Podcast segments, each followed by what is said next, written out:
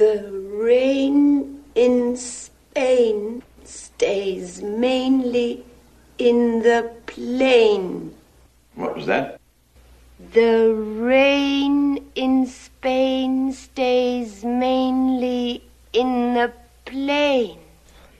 Audrey Kathleen Rustin of soos ons haar onthou, Audrey Hepburn was 'n styl-ikoon, 'n Oscar-bekroonde aktrise en een van die beste aktrises van die Hollywood goue era.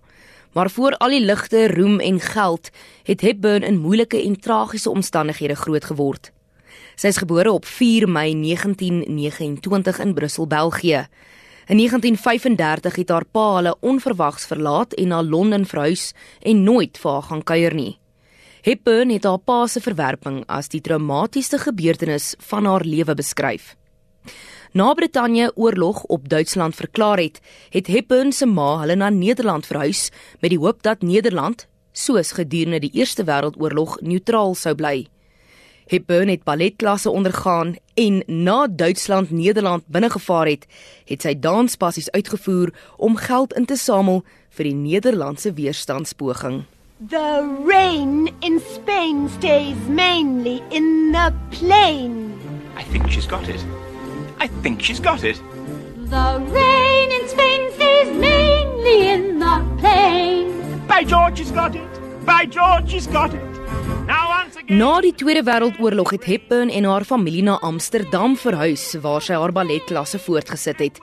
Sy verhuis later na Londen waar sy ballet studeer het by die Rambert Dance Company.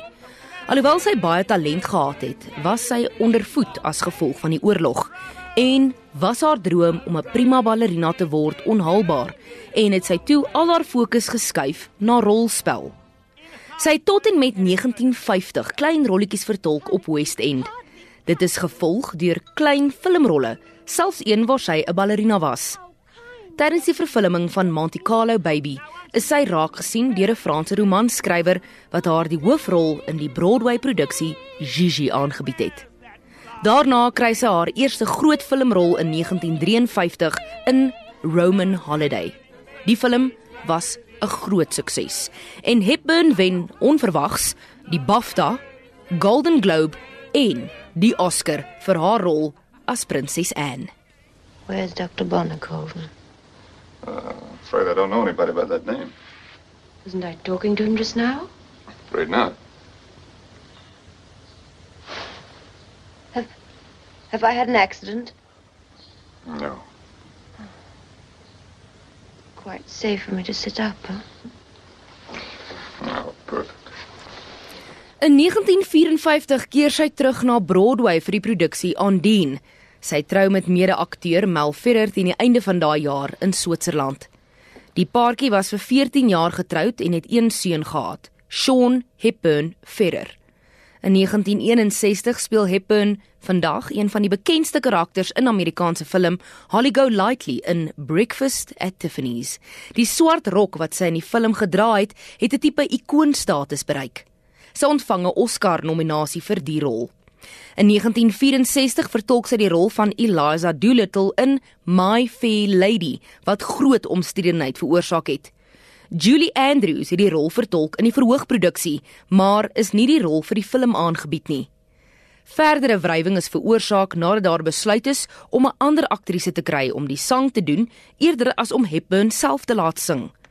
Ten spyte van al die negatiewe media-aandag, was die film 'n reuse sukses en is Hepburn geprys vir haar vertolking.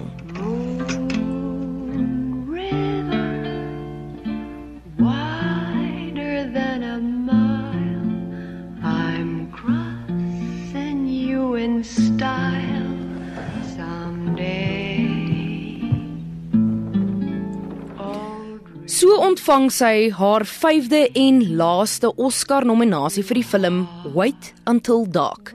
In 1967 besluit sy om 'n breek te neem van die filmwêreld om eerder aandag aan haar familie te spandeer en begin haar werk met UNICEF.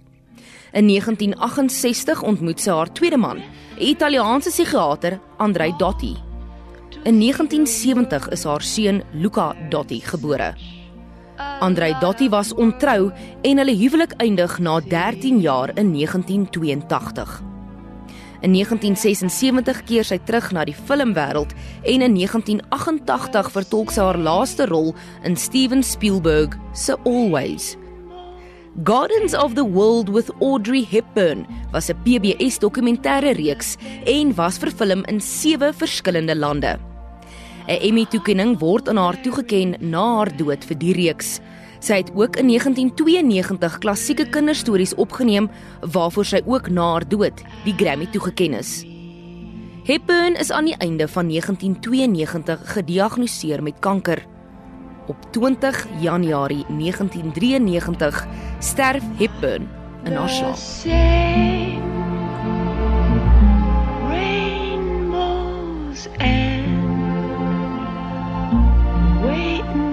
the bed.